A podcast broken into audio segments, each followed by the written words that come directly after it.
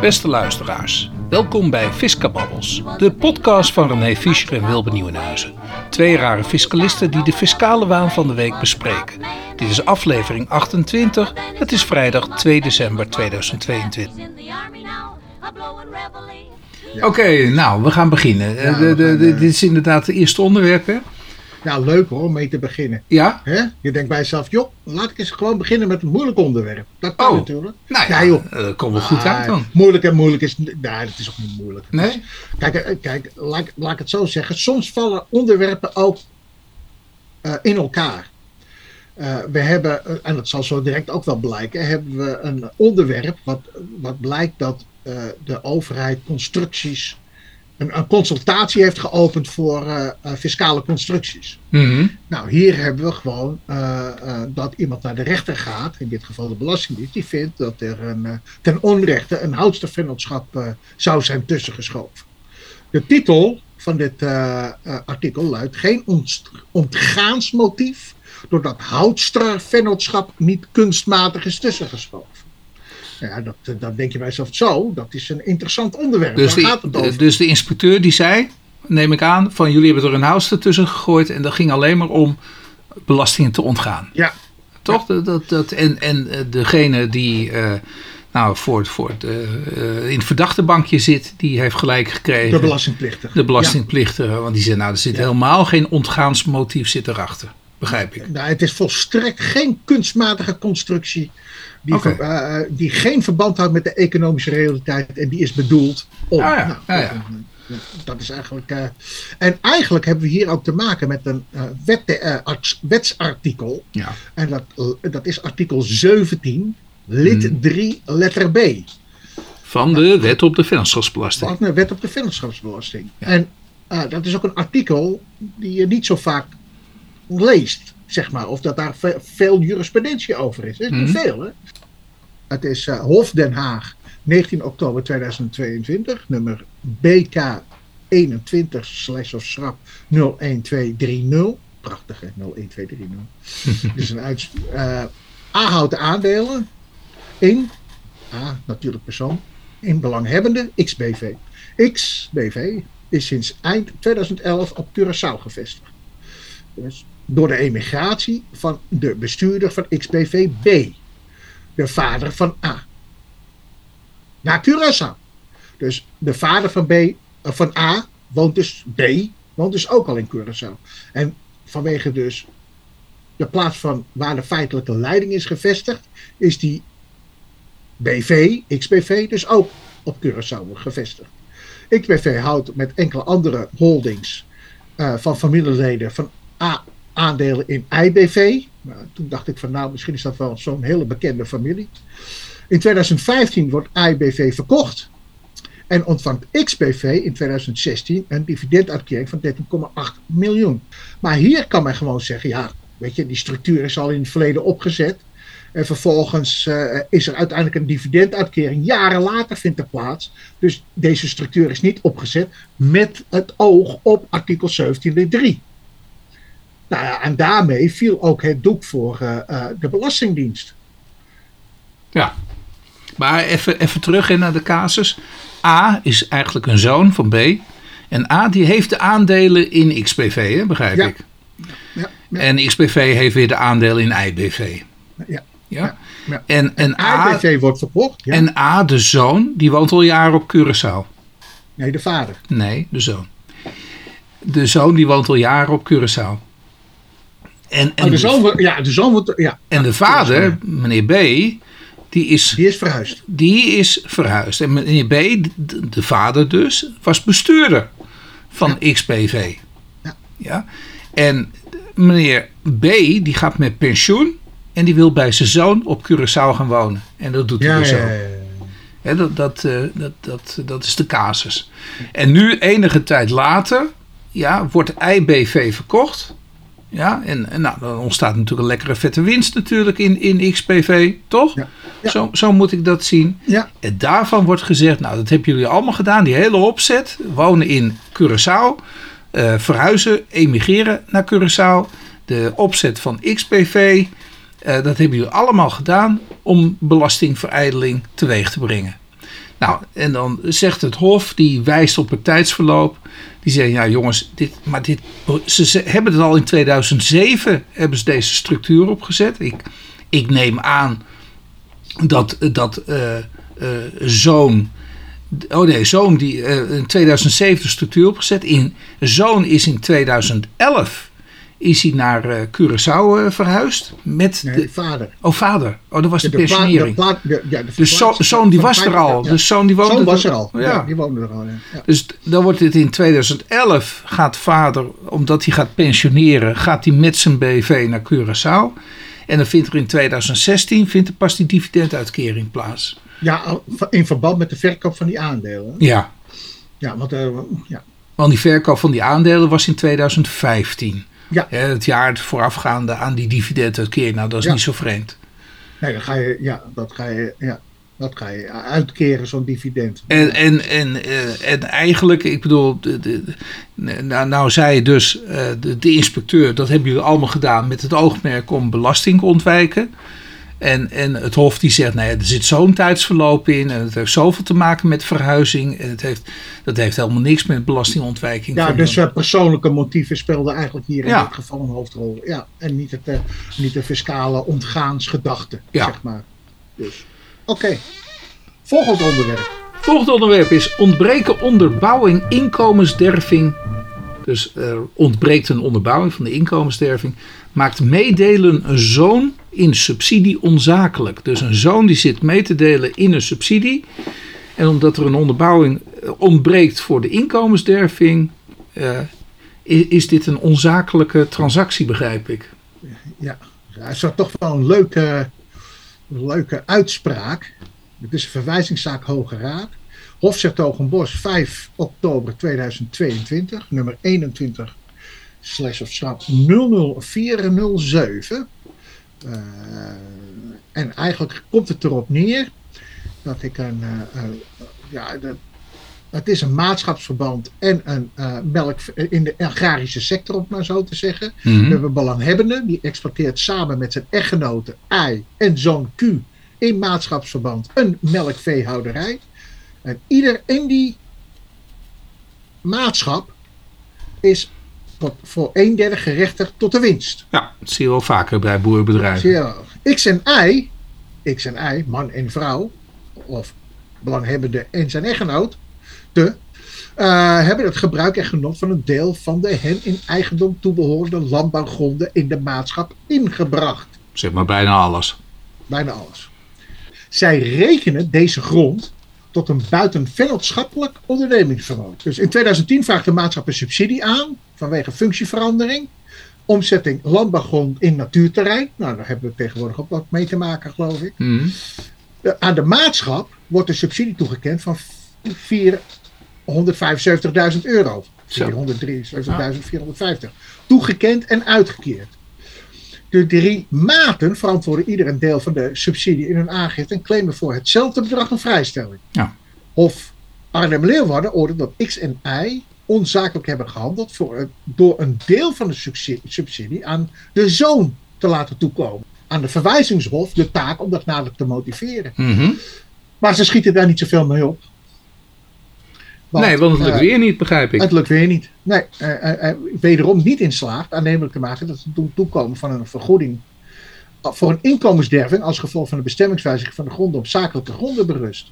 X heeft namelijk geen enkel inzicht in het bestaan van de inkomensderving en de omvang daarvan. Nou goed, en kennelijk, ja, en wa- waarom, waarom X dan ook geen inzicht geeft, dat is bij mij ook onbegrijpelijk hoor. Maar goed, Ik, ik, ehm, de die zegt, dat moet nog even beter, beter worden uitgezocht. ja, Ja? Of inderdaad de, de, het, het, het, het, eh, het verlies wat je gaat krijgen, de inkomensderving waarvoor je wordt gesubsidieerd, of die daadwerkelijk wel aanwezig is bij de zoon. Ja. Ja. En dan komt X, die komt er toch met het verhaal, ja luister eens, een, een, een, de normale landbouwgronden die leveren veel meer op dan natuurgronden. Dat is toch best wel een argument, of niet? ja zeker. Zeker. Oké, maar toch heeft hij dan te Ja, weinig... maar toch is dat dan, dan te weinig. Ja, oké. Het Hof is van oordeel dat belanghebbende niet in de op hem uh, uh, rustende bewijslast is geslaagd. Indien belanghebbende zich beroept op een inkomensderving die het gevolg is van een bestemmingswijziging van de gronden, mag van belanghebbende op zijn minst worden verwacht dat enige inzicht wordt gegeven in de bestaan van de inkomensderving en de omvang daarvan in dit concrete geval. En belanghebbende heeft geen enkel begin, geen begin van een zodanig inzicht verschaft. De belanghebbende heeft slechts algemene stellingen ingebracht over teruglopende opbrengsten en toenemende kosten als gevolg van de bestemmingswijziging van landbouwgrond naar natuurgrond. Ja, dat, dat komt niet hoor. Dit, dit, dit is niet goed. Wat? Denk ik. Nou ja, die motivering. Kijk, als jij zegt van, joh, ik heb eerst landbouwgrond. Daar kon ik mijn boerenbedrijf op, uh, ja, uitoefenen. En nu heb ik natuurgrond. En nu, kan, nu kan ik dat niet meer doen. Dan is toch overduidelijk Oh, dat ik minder krijg? Ja, maar je kan niet vragen uh, of een tafel een tafel is. Hè? Ja, dat je dan moet bewijzen dat een tafel een tafel is. En je zegt het is een tafel, dan is het toch een tafel, of niet? Ja, want het komt eigenlijk, die subsidie is voor inkomensderving. Nou ja, goed, ik kan mijn boerenbedrijf niet meer uitoefenen. Ja, wat, wil- wat wil je nog meer, joh? Of in ieder geval niet op dat land. Meer. Maar blijkelijk hebben ze helemaal niets meer ingebracht. Ja, je moet toch wel wat, wat zeggen natuurlijk. Hij heeft wat algemene termen heeft hij natuurlijk naar voren gebracht. Maar ik vind het vrij logisch dat, dat, dat je inkomensderving hebt, toch? Ja een, ja, een tafel is een tafel, bedoel je. Of een eend is een eend. Ja, maar wat moet je daar nou nog meer dan? eh, Ja, wat moet je daarover zeggen dan? Wat, Ja, je- wat maakt jouw zaak dan sterker dan? moet, het, eh, eh, Nou, moet je be- bewijzen van, joh, ik kan, ik kan niet meer op dat stukje een, natuurgrond mijn boerenbedrijf uitoefenen. Waardoor ik dus nou, een- minder verdien. Ja. En, en ik weet niet welk jaar het betrekking op heeft. Ehm, eh, 15 maart 2010. blablabla. Ik, ik, ik denk dat het best wel een tijdje heeft geduurd. Op naam van de subsidie aangevraagd. Dus toen heeft het al gespeeld. Je, je leeft nu in 2019. Toch? Ja. En later 2022. Ja, ik zou zeggen, eh, ja, jaarrekeningen laten zien. Ja. Dat inderdaad de winsten minder zijn geworden. ja, dat had je kunnen inbrengen. En als je dat had ingebracht, dan had je kunnen zeggen: kijk, ik heb hier in vergelijking tot de jaren voor 2010 aanmerkelijk minder verdiend. En daar was het ook voor bedoeld, toch? Ja, maar misschien dat hij eh, nu eh, nieuwe stukjes grond heeft gekocht. Ik weet het niet. Of anderszins. eh, en, en dan blijkt dat niet meer uit de jaarrekening. Hè? Je moet het kunnen. eh, kunnen eh, ja, maar dat kun je toch becijferen? Dat kun je toch. ja, tuurlijk, tuurlijk. Nee, dat begrijp ik ook wel. Maar, ik, ik, maar eigenlijk, ja, eigenlijk ben ik. het- Ja, ik vind, ik vind, het, ik vind, ik vind die, deze uitspraak moeilijk te bevatten. Ja. Nou ja. hey, eh, René, ik, ik hou deze heel kort. Het is een, een, een arrest van het Hof van Justitie. Eh, er staat eh, als titel: Bij kennis van fraude bestaat geen recht op BTW-aftrek. En het is een arrest van het Hof van Justitie 24 november 2022. Nummertje C 596 schap 21. Maar op zich, dit is niet zoiets bijzonders. Oh, A. Nee? Nee, eh, dit is al, al vele malen eerder door het Hof van Justitie gezegd dat als jij betrokken bent bij fraude, je hebt er kennis van en je doet er toch aan mee, ja, dan, dan Dan heb je geen recht op af. heb je geen recht op aftrek, je hebt geen recht op vrijstelling, je hebt geen recht op nultarieven, je hebt nergens meer recht op, want dan pakken we je gewoon. Oké. Dan ben je vogelvrij, word je verklaard. En, en dat gaat ver. En de eerste keer dat dat nou, al heel heftig is uitgesproken, is het Italmoda-arrest geweest. Ook een Nederlandse zaak. Waarbij Italmoda BV betrokken was bij een fraude in Italië. Dus niet eens in Nederland, maar in Italië. En in Nederland zei men, ja, maar dan, dan ont- ontnemen we jou ook het aftrekrecht Italmoda BV. Want jij bent hier mede verantwoordelijk voor dat er in Italië wordt gefraudeerd. En dat betekent dat we jouw rechten in Nederland ontnemen. Nou, dat gaat heel ver. En dat Maar gaat... dit, dit is toch ook allemaal om die plof BV's te voorkomen, toch? Nou, om iedere vorm van fraude die hier, eh, eh, die je met medeweten, eh, althans waar je aan meewerkt, om dat te voorkomen. Ja, dat klopt. Oké. Ja. En, maar dit helpt ook genoeg? Of? Ja, dit is natuurlijk een ongelooflijk krachtig middel. Ehm, we hebben in onze wetgeving in Nederland hebben in de invorderingswet een hoofdelijke aansprakelijkheid geïntroduceerd. Ja. Maar dat middel wordt totaal niet gebruikt. Ja, dus, dus daar pakt men niet eens op weg. Dus als er wat gebeurt, dan is het niet de invorderingswet die we daarvoor hanteren. Maar hier gewoon recht op aftrek, het nultarief. Alles wordt. eh, en dan word je krijgt gewoon naamsaanslag opgelegd. Ja, Goed zo. bij onderzoek naar zorgkosten levert correctie voor hypotheekrente geen ambtelijk verzuim op. Dus we zijn Ja. aan het onderzoeken voor zorgkosten. En opeens Ja. leidt het ertoe dat er toch een hypotheekrenteaftrek gecorrigeerd wordt. Eh, en, en dan is dat onderzoek naar de zorgkosten, dat weerhoudt dus die correctie niet. Nee, Toch? Precies. Nou, Maar wat, waarom ik deze heb eh, eh, aangehaald is het volgende. Dat je dus veel vaker ziet het volgende beeld. Ja. Er is een administratie, belastingadvieskantoor, accountantskantoor, nou, noem maar wat. ja. Die ligt op de korrel bij eh, de FIOT.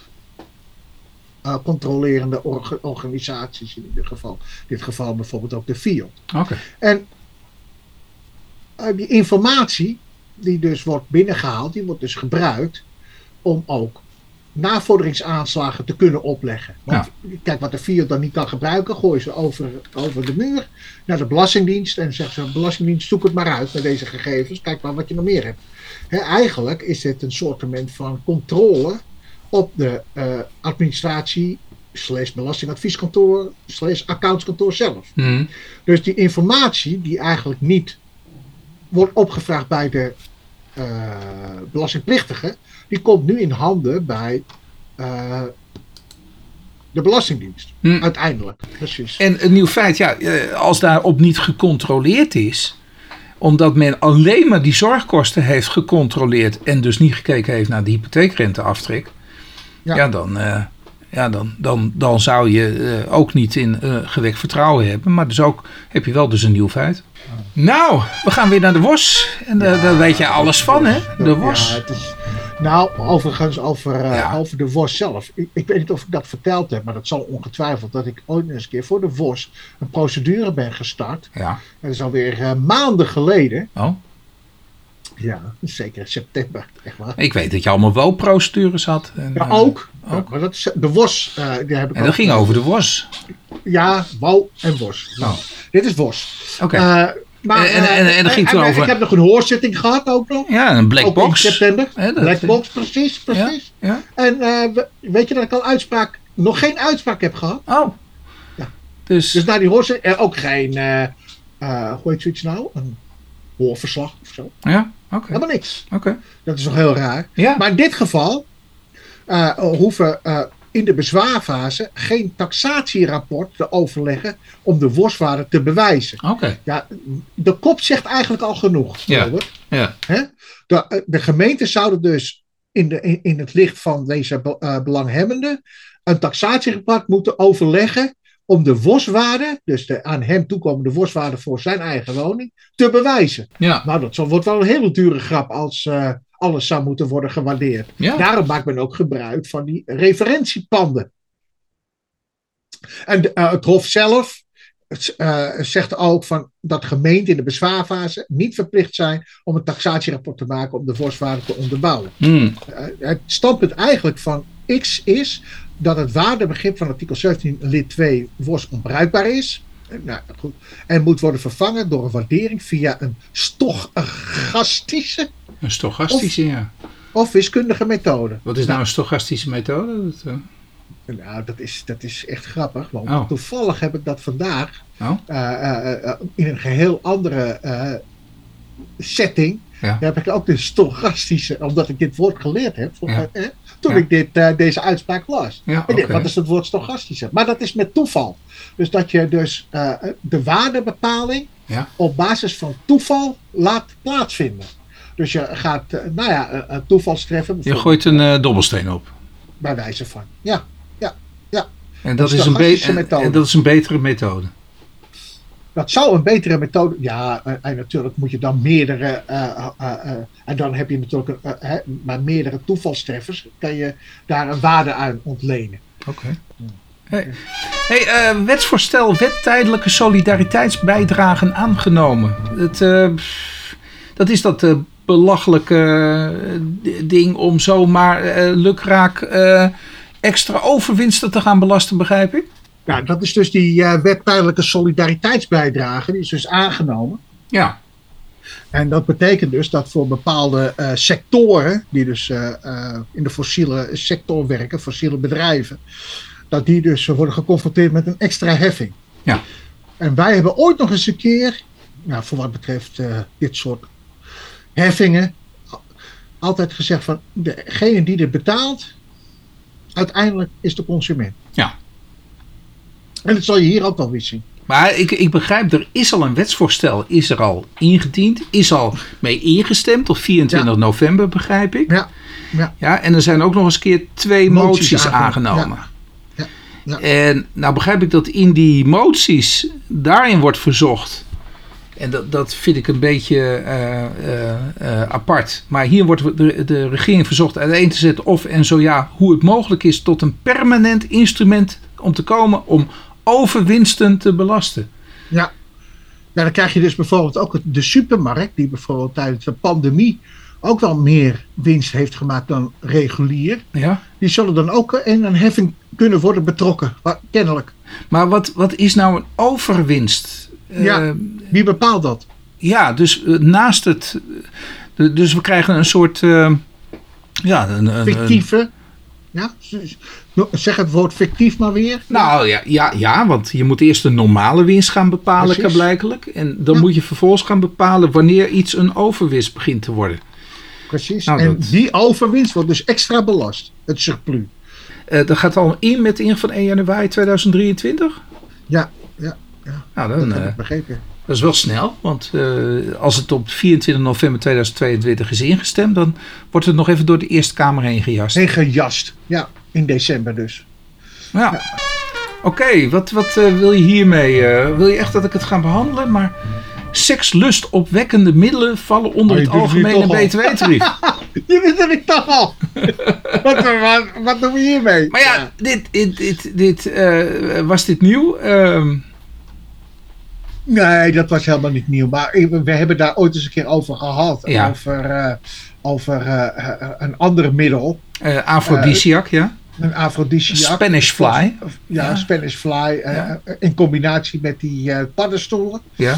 En dat werd dus ook met het hoge tarief belast. Omdat dat dus niet voor consumptie gold. Ja. Nou ja, goed, dan is het natuurlijk zaak om zo'n afrodisiac of zo'n sekslust opwekkend middel Ja. eh, zodanig te eh, transformeren dat het dus wel als een, eh, als een, ja, een, ja, zeg maar, dat je dat tot je kan nemen als een voedingsmiddel. Dus toen heb ik nog voorgesteld van, nou, weet je, misschien kun je dit zo'n opwekkend middel dan maar in een vorm van kauwgom doen. Maar toen Mm. zei jij van, nou, kauwgom, dat moeten we maar niet doen.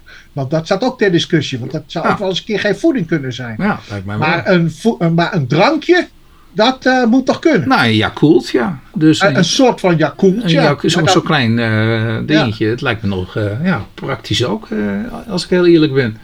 nou ja, goed. En als je dat met slikken van een pilletje, toch? Of, eh, Inderdaad. ja. En, en, en, dan, en dan heb je toch wel een consumptiegoed. Ja. toch? Ja, eh, daar Ja. zit toch wel echt. En als je dat nou ook inderdaad een Yakult, dat goed voor de maag is. Of, eh, hè, ja, de- en voor de daad.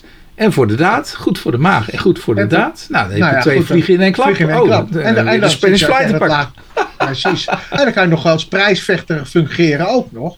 Ja. Dus, eh, dus ja, dat is. eh, ja. En, en de vraag is: hebben we dat ooit wel eens een keer gehad, zo'n drankje die lustopwekkend zou zijn? Dat zit me toch af te vragen. Ah, dat zal Want namelijk hadden wij vroeger niet eh, bijvoorbeeld zo'n man in een huifkar die langs ging met elixirs en dergelijke. Ja, goed, het, het is maar weer een idee. Die heb ik nooit bij de deur gehad hoor. Maar, Heb je nog eh, zo'n elixir van. joh, ja, waarschijnlijk haar- bij jou op het platteland. Maar, Nou ja, toen ik nog heel jong was, hadden Ja. wij nog wel een vorderboer. serieus? Ik kan me wel herinneren, Ja, ja oké. Ja, we hadden ook. Ja. ja. Ja, ja, we konden ook altijd de kranten inzamelen. Ja, en, papier konden we inleveren. Dan eh, kreeg je per kilo kreeg je er wat voor. Ja, Ja, schillen en, eh en oké. Ja, er kwam echt zo iemand langs met zo'n platte kar. Nou, dan werd alles opgedonderd. Met, een, eh, met, een, echt een, met een paard ervoor. Dat kan ik me wel herinneren. Dat is nog niet zo lang geleden. En echt, ik ben niet zo oud hoor. Maar Ja, hier, hier ook eentje. Ook, ook leuk, want ik heb daar zelf een keer ook over geprocedeerd, maar dan in de BTW. En nu gaat het over eh, de, de, de, de, de overdrachtsbelasting. overdrachtsbelasting. En dan gaat het over een overgename self-storage onderneming, kwalificeert als OZR voor de overdrachtsbelasting. ja, een OZR Een- een staat arti- voor. Artikel 4 lichaam. Uh, roep wat, maar een onroerende Ja, zaak lichaam. Onroerende zaak, rechtspersoon. Oh, rechtspersoon, lichaam roep ik altijd maar. Ja, ik ook hoor. En, eh, en, en dat is gewoon artikel 4. eh, dan, dan voldoe je aan de doeleis en dergelijke. En als je dan Ja. de aandelen overdraagt. eh, en, en, en het lichaam, de BV, die heeft enkel als doel. Of nee, enkel als, eh, voornamelijk als doel. eh, eh, eh, onroerend goed te exploiteren.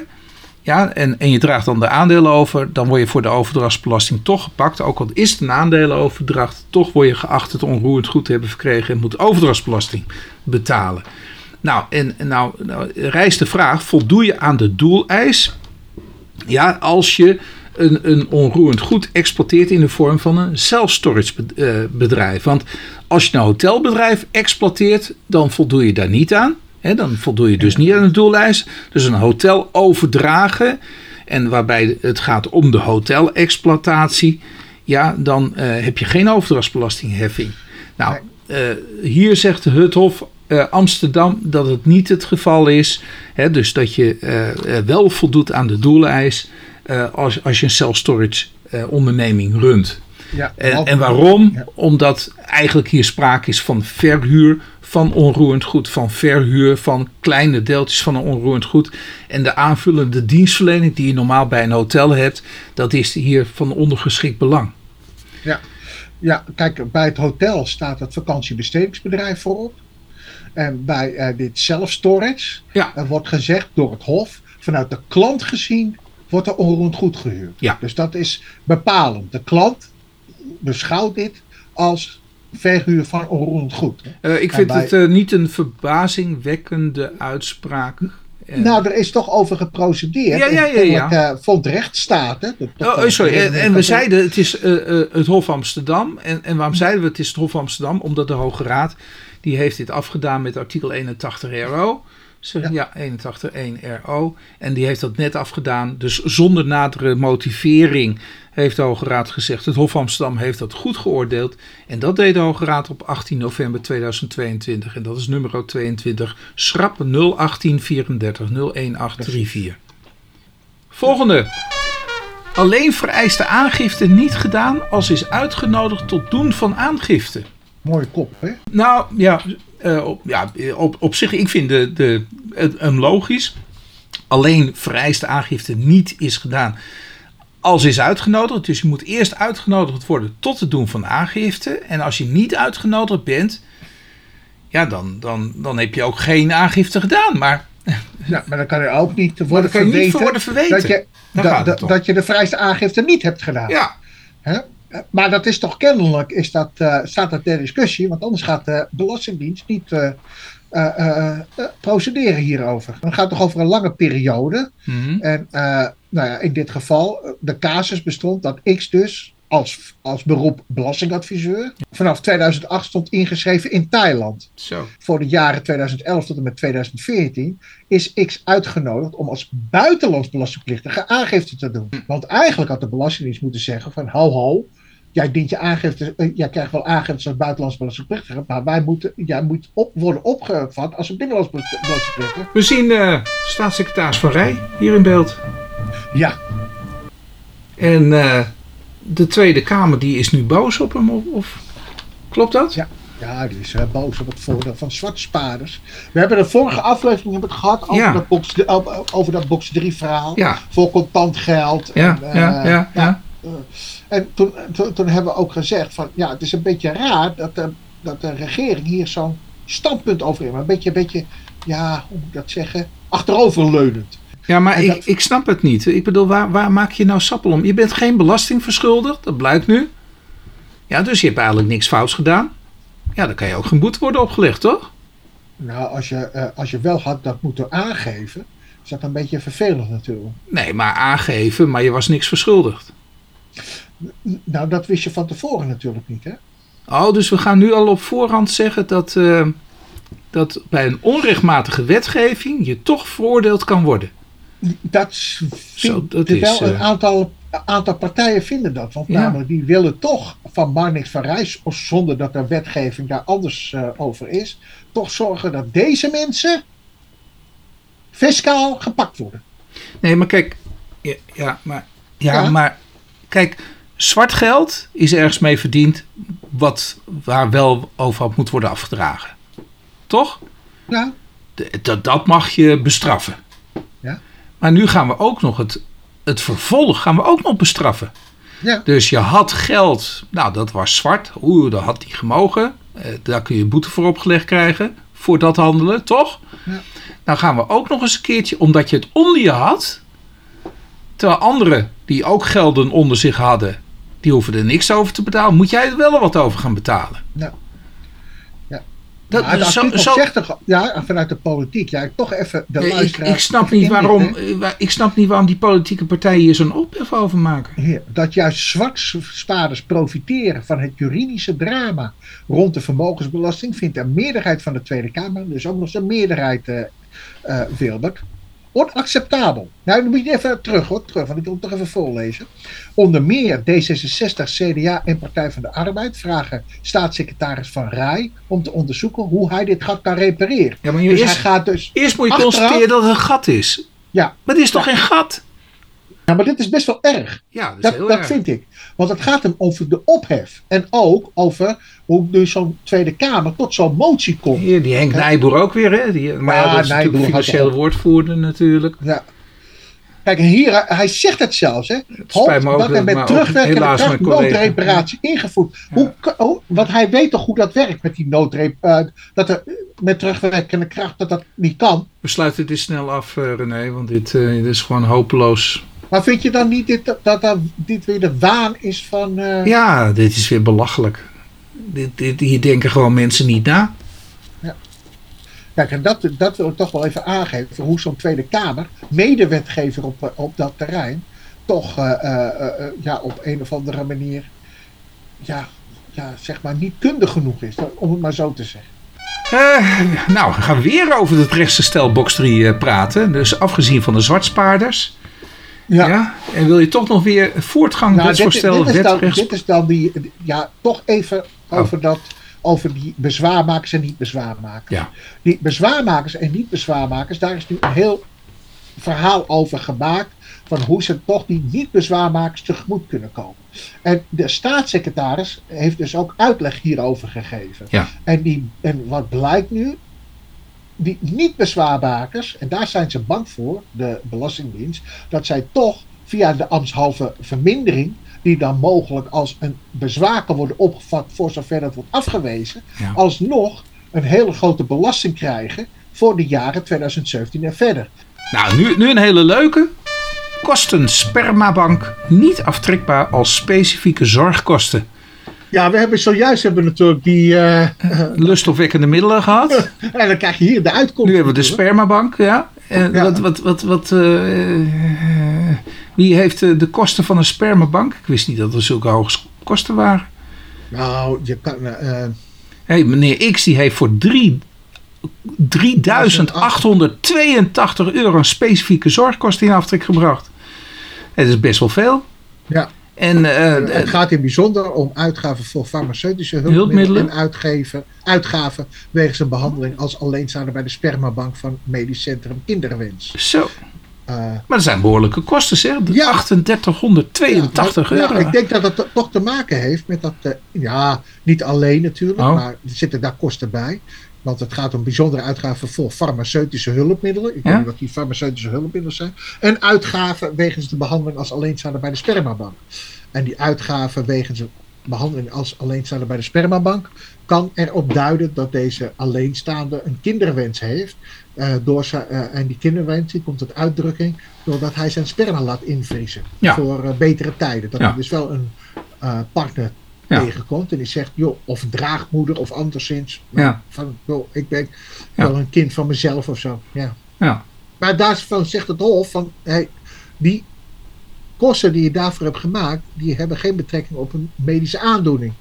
Ja, goed, en een vereiste is toch om voor zorgkosten in aanmerking te komen dat er sprake is van een medische aandoening. Dus en eh, omdat zeg maar de medische aandoeningsaspect daarvoor ontbreekt, voor het opstaan van je sperma, Mhm. ja, is die, zijn die kosten niet aftrekbaar als zorgkosten. Ja, maar hij deed nog een, eh, een, een beroep op, eh, nou, ik denk op een soort gelijkheidsbeginsel. Ja, een soort van, ja. Ja, een soort van, want eh, dat kan hij natuurlijk niet doen. Maar Hij zegt, ik vind het eigenlijk ongelijk zoals ik word behandeld ten opzichte van een situatie waarin een stel om medische reden, een, een, een redenen een dergelijke behandeling ondergaat. Ja. Dus hij zei, als, als ik nu eh, eh, een stel was geweest en, en ik, ik had medische redenen om mijn sperma in te laten vriezen, toch? Ehm, Ja, dan, dan, dan denk je aan zo'n IVF-methode, weet je wel. Dat, eh, dat, ja, ik weet niet hoe hoe- ja, ja, ja. het zegt, maar Ja, klopt. dat is dan zo'n vruchtbaarheids. En, en dat, maar dat doet hij in beroep, ja, te, te vergeefs, een beroep op een vertrouwensbeginsel. Ik weet niet welk vertrouwensbeginsel. Ja, misschien omdat hij zei, ja, bij mijn situatie is hetzelfde, dus moet ik hier ook hiervan gebruik kunnen maken. Ja, moeten we nog voor de luister, eh, luisteraar Nou, zeggen? wat verschil is tussen vertrouwensbeginsel, gelijkheidsbeginsel en... Nee, eh, oh. de, de zaaknummer. Oh, zaaknummer. Dat zijn we helemaal vergeten. Eh, rechtbank Den Haag, 7 november 2022, nummer SGR van Schravenhagen, Hagen. 22 schrap 97. Ja. Nou, le- leuke zaak. Er kan een leuk plaatje bij. Dus, Ja, dat kan voor die ander ook. nee, nee. nee. Oh, oh. Nou, ja, welke bedoel je? Die seksoplucht? eh, Die hebben we al Ja. een keer gehad, toch? Oh, hebben we Hadden we dan niet? Nou, weet ik eigenlijk niet. Maar maakt niet uit. Ehm, Maar dit is toch best wel, eh, eh, ja, ik weet niet wat, wat hier aan de hand is geweest. Want namelijk, je wil, hier hebben we toch iets te maken met een, met dat een bepaalde communicatie niet goed is gegaan. Tussen in dit even geval de titel. controleambtenaren Titel. en, en de, belasting, eh, en de belastingplichtige. Titel. Gedrag, controleambtenaren, tast bruikbaarheid, controlerapport niet aan. Dus het gedrag van controleambtenaren ja, doet niet af aan datgene wat ze geconstateerd hebben in een rapport. Precies. Kijk, en dit is wat er is gebeurd. Nou, een zaak, een- zaak bij de Hoge Raad, 25 november 2022. Nummertje 20, n- schrap 03688. Maar de Hoge Raad die behandelt het niet inhoudelijk. Ook hier weer een 81 RO. Met andere woorden, wat het Hof heeft geoordeeld. Hof den Bosch, dat, daar sluiten we ons bij aan. Nou, Ja. vertel, wat, wat is er dan gebeurd? Want Nou ja, in ieder geval, wat, wat is hier aan de hand? XBV handelt in nieuwe en gebruikte personen en vrachtwagens. ja, Dus eh, volgens XBV moeten de navigsaanslagen worden vernietigd, omdat de algemene beginselen van behoorlijk zijn geschonden. Of het verdedigingsbeginsel. Ja. En waarbij dus X stelt ja, dat controleambtenaren stelselmatig, dan moet ik altijd denken aan eh, Anton Gezing, haar klanten hebben weggepest en haar boekhouder hebben gedwongen om afscheid van haar te nemen. waarom nou Anton Geesink? Anton Geesing die had wat met de IOC. En die had ook Ja. altijd het woord stelselmatig. Maar Oh, maar op zoek op YouTube. Ja. Ah, Oké, dus dat Ja. woord was een stopwoordje van hem. Ja, Oh, ja, daarom, ja, daarom. Ik denk, wat heb jij nou met een Anton Geesink besteld? Anton Geesing, mijn grote held, hè? Oké. Japan. Ja, ja, ja, ja, zeker. Ja. Oké, Sapporo, Sapporo. Dat weet ik niet meer, maar ik, eh, het was een grote man. Want je had, daarna had je Wim Ruska. Ja, Wim En, Ruska. en daarvoor had je Anton Geesing. Ja. En volgens mij waren die twee geen vrienden van elkaar. Ja, maar er is wel wat gebeurd. Er is al wat ik gebeurd, ja. Ja, Want, ja. want, want namelijk, kijk, anders, kijk, die brief, dat is ook, ja, Ja. laat ik het zo zeggen, het is niet echt een loze beschuldiging. Nee. Dit is een column Mhm. van eh eh eh, eh, Til van Kampen, Kempen. Kempen, sorry. Zij Kampen, Ja. zo hoor. Goed. Ja. Maar in ieder geval, dat de stille maatschap van... Dat is een bekende fiscalist hoor. Ja, zeker. Eh, stille, ma- stille maatschap met eigen BV onder vuur. Dat is best wel een aardige. Dat dus kennelijk eh, ook het burgerlijk wetboek eh, de- stille maatschap of de maatschapsstructuur gaat aanpakken. Eh, wat dus ook weer van invloed is op wat wij dus in de wet inkomstenbelasting voor beroepsuitoefeners.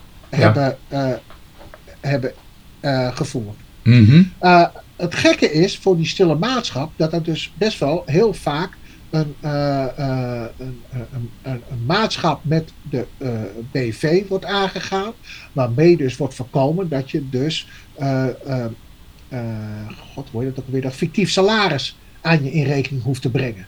En dat je aan de andere kant ook nog gebruik kan maken van de ondernemersfaciliteiten. Je weet dat zeg maar voor wat betreft die ondernemersfaciliteiten, die uh, er zit nog een grens in tussen de hoogte van je uh, uh, fictief salaris versus de winst uit onderneming. En als je dus bijvoorbeeld het fictief salaris als winst uit onderneming zou belasten, dan kom je er gunstiger uit. Ja. Bij heffing. Ja. Dus daarom wordt vaak ook zo'n stille maatschap met de BV gevonden. Ja. Dat, in dat licht, en als die stille maatschap uit het uh, burgerlijk wetboek wordt gehaald, dan zou je dus ook betekenen dat zeg maar, het, de bepaling in de wet IB voor wat betreft de vrije beroepen Mhm. ook op de tocht zou komen te staan. En dat zou dus betekenen dat dat niet meer zou kunnen. Oké, en dan, wilde je nog deze behandelen? Uh, Ja, die fiscale eenheid of Eh, niveau dus was dat. Deze.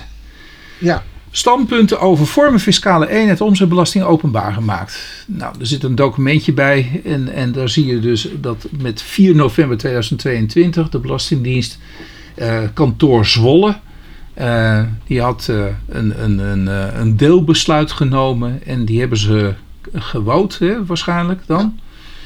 Wel heel snel, hè? 4 november 2022. Precies. Dus, eh, en, en nou, eh, dat, eh, dan zie je hier allemaal de ja standpunten. verzoek, verzoek uit mei toch? Was het? Ja, ja, ja, ja. ja. En, en ehm, ja, waar gaat het over? Wil, wil jij me uitleggen, René? Of? Nee, oh, ik het hem juist. Ja, het is toch. ja, Het is toch BTW? Nou, dat niet, maar ja. Het, de, de, de- mijn vraag is: komt er Ja. nu iets naar voren wat wij eerst nog niet hebben? Ja, hier is nog nooit eh, over eh, geprocedeerd. Ja. Eh, waar gaat het eigenlijk over? Stel je voor, je hebt twee BV's. En die hangen naast elkaar, want de aandeelhouders zijn nou, A en B. Ja? Ja. Die kunnen niet met elkaar een fiscale eenheid vormen. Want de ene is van A, de andere is van B. Mees? Ja. Nou, eh, dat is vervelend, want vooral als bijvoorbeeld, hè, dus, dus eh, onder A en B hangt een 50% belang van allebei, dus in totaal 100, ja, dan is diegene die daaronder hangt, kan geen fiscale eenheid vormen met de, met de A en B. Mees? Ja. Dus je ziet nu voor je twee holdingmaatschappijtje met één werkmaatschappij kan nooit een fiscale eenheid worden. Nee. Dat is vervelend wanneer die onderste werkmaatschappij vrijgestelde prestaties verricht. Want als er dan een management fee wordt berekend door de twee holdingjes, dan zit de BTW op. En die BTW is niet aftrekbaar. Ja? Uh-huh. Nou, hoe dacht men dit leuk op te lossen? En dat hoor ik heel vaak hè, in de praktijk. Oh, weet je wat? Dan gaan we het anders doen. Dan gaan A en B, dus holding A en holding B, die gaan een vennootschap onder firma, een maatschap aan. Stille vennootschap. Een, nou, eh, je moet nou even nog niet hebben over stille vennootschap, want je moet juist een, eh, een, een ruisende vennootschap zijn. Oké. Ja, je moet wel naar buiten toe optreden, maar naar buiten toe optreden, dat, dat, eh, want je moet wel economische activiteiten verrichten. Want ze zeggen, dan wordt de maatschap wordt de ondernemer. Hè? Dat, in de BTW, we kijken niet door een maatschap heen, we kijken niet door een VOF heen, mits je maar naar buiten toe Maar die houdt dus de aandelen. En die gaat de aandelen houden. Maar je kunt helemaal geen aandelen houden als maatschap. Want een maatschap is niet een rechtspersoonlijkheid bezittend lichaam. Dus wat doet men? Men zegt nee, maar die gaan dan economisch de aandelen houden in de BV. Ja. Dus economisch bepaalt men dat de aandelen in de VOF zitten, in de maatschap. En nou zeggen ze dan, de maatschap is ondernemer, de BV die eronder hangt, de werkmaatschappij is ondernemer. Dan vormen die twee een fiscale eenheid. En dan zul je zeggen, wat is daar nou de lol? Nou, vervolgens als de... Ja, nee, niet de management fee. Want hoe krijg je dan het geld wat je juist naar boven wil krijgen in de holdings? Ja, daarvan zeggen ze, nee, dat is niet een management fee, dat is een winstverdeling. Want ja, in het kader van een VOF, maatschap, heb je altijd winstverdelingen. En een winstverdeling is niks voor de BTW. Dus dat was de truc die men dacht dat dat wel zou gaan werken. En dat zie Maar het je. werkt niet. Nou ja, hier zie je dat de Belastingdienst zegt: ja, daar gaan we lekker niet aan meewerken. Ja, die zeggen nog steeds van je horen, het is wel leuk dat je die economische eigendom van de aandelen, hè, dat je die dan zogenaamd overdraagt. Want je hoort mij zeggen zogenaamd overdraagt aan de maatschap, de VOF.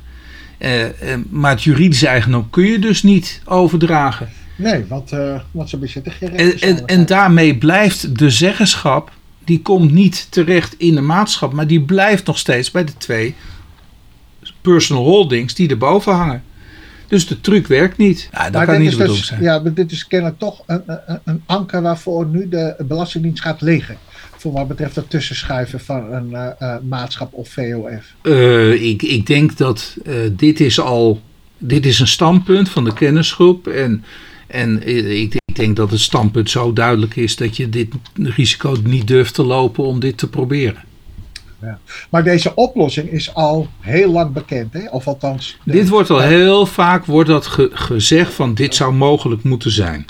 Ja. Nou, en als, als het aan mij voorleggen, zou ik zeggen: dit is veel te riskant. Ik, ik zou het niet proberen. Nee, dat weet ik dat jij dat vindt. Want uh, twaalf jaar geleden zei dat ook al. Oh.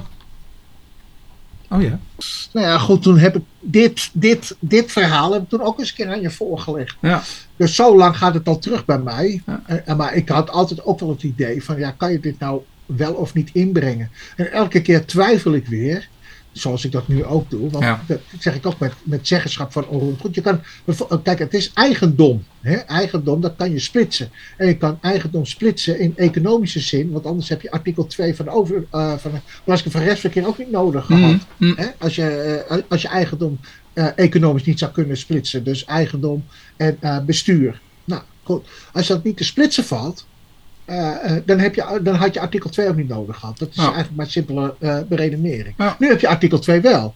Dus er is kennelijk ook uh, dat je onderhands kan je dus die zeggenschap met het eigendom kan je van elkaar scheiden. Nou, en dan zou je dat met aandelen dus ook kunnen. Want anders dan is dat gek.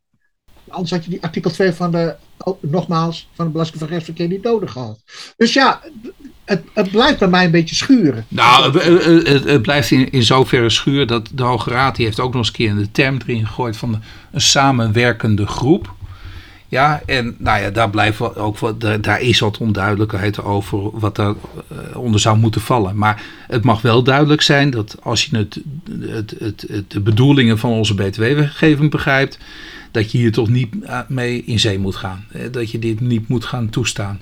Nou ja, goed, in ieder geval. Dit is, was toch wel aardig hoor.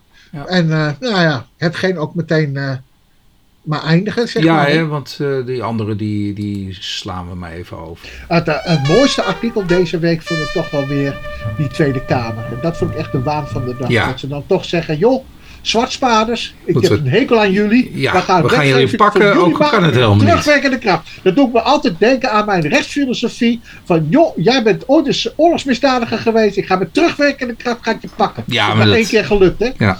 Maar goed. Ja, maar dat vind ik ook met die overwinst hoor. Dat uh, ook zo Ja, overwinst uh, is.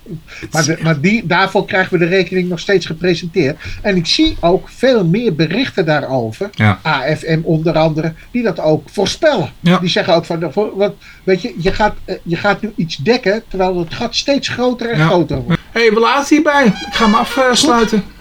Is goed man. Gezellig weer geweest. We spreken Dat de luisteraar uh, weer uh, heeft genoten. Oké. Okay. Oké. Okay. Doei. Hoi hoi.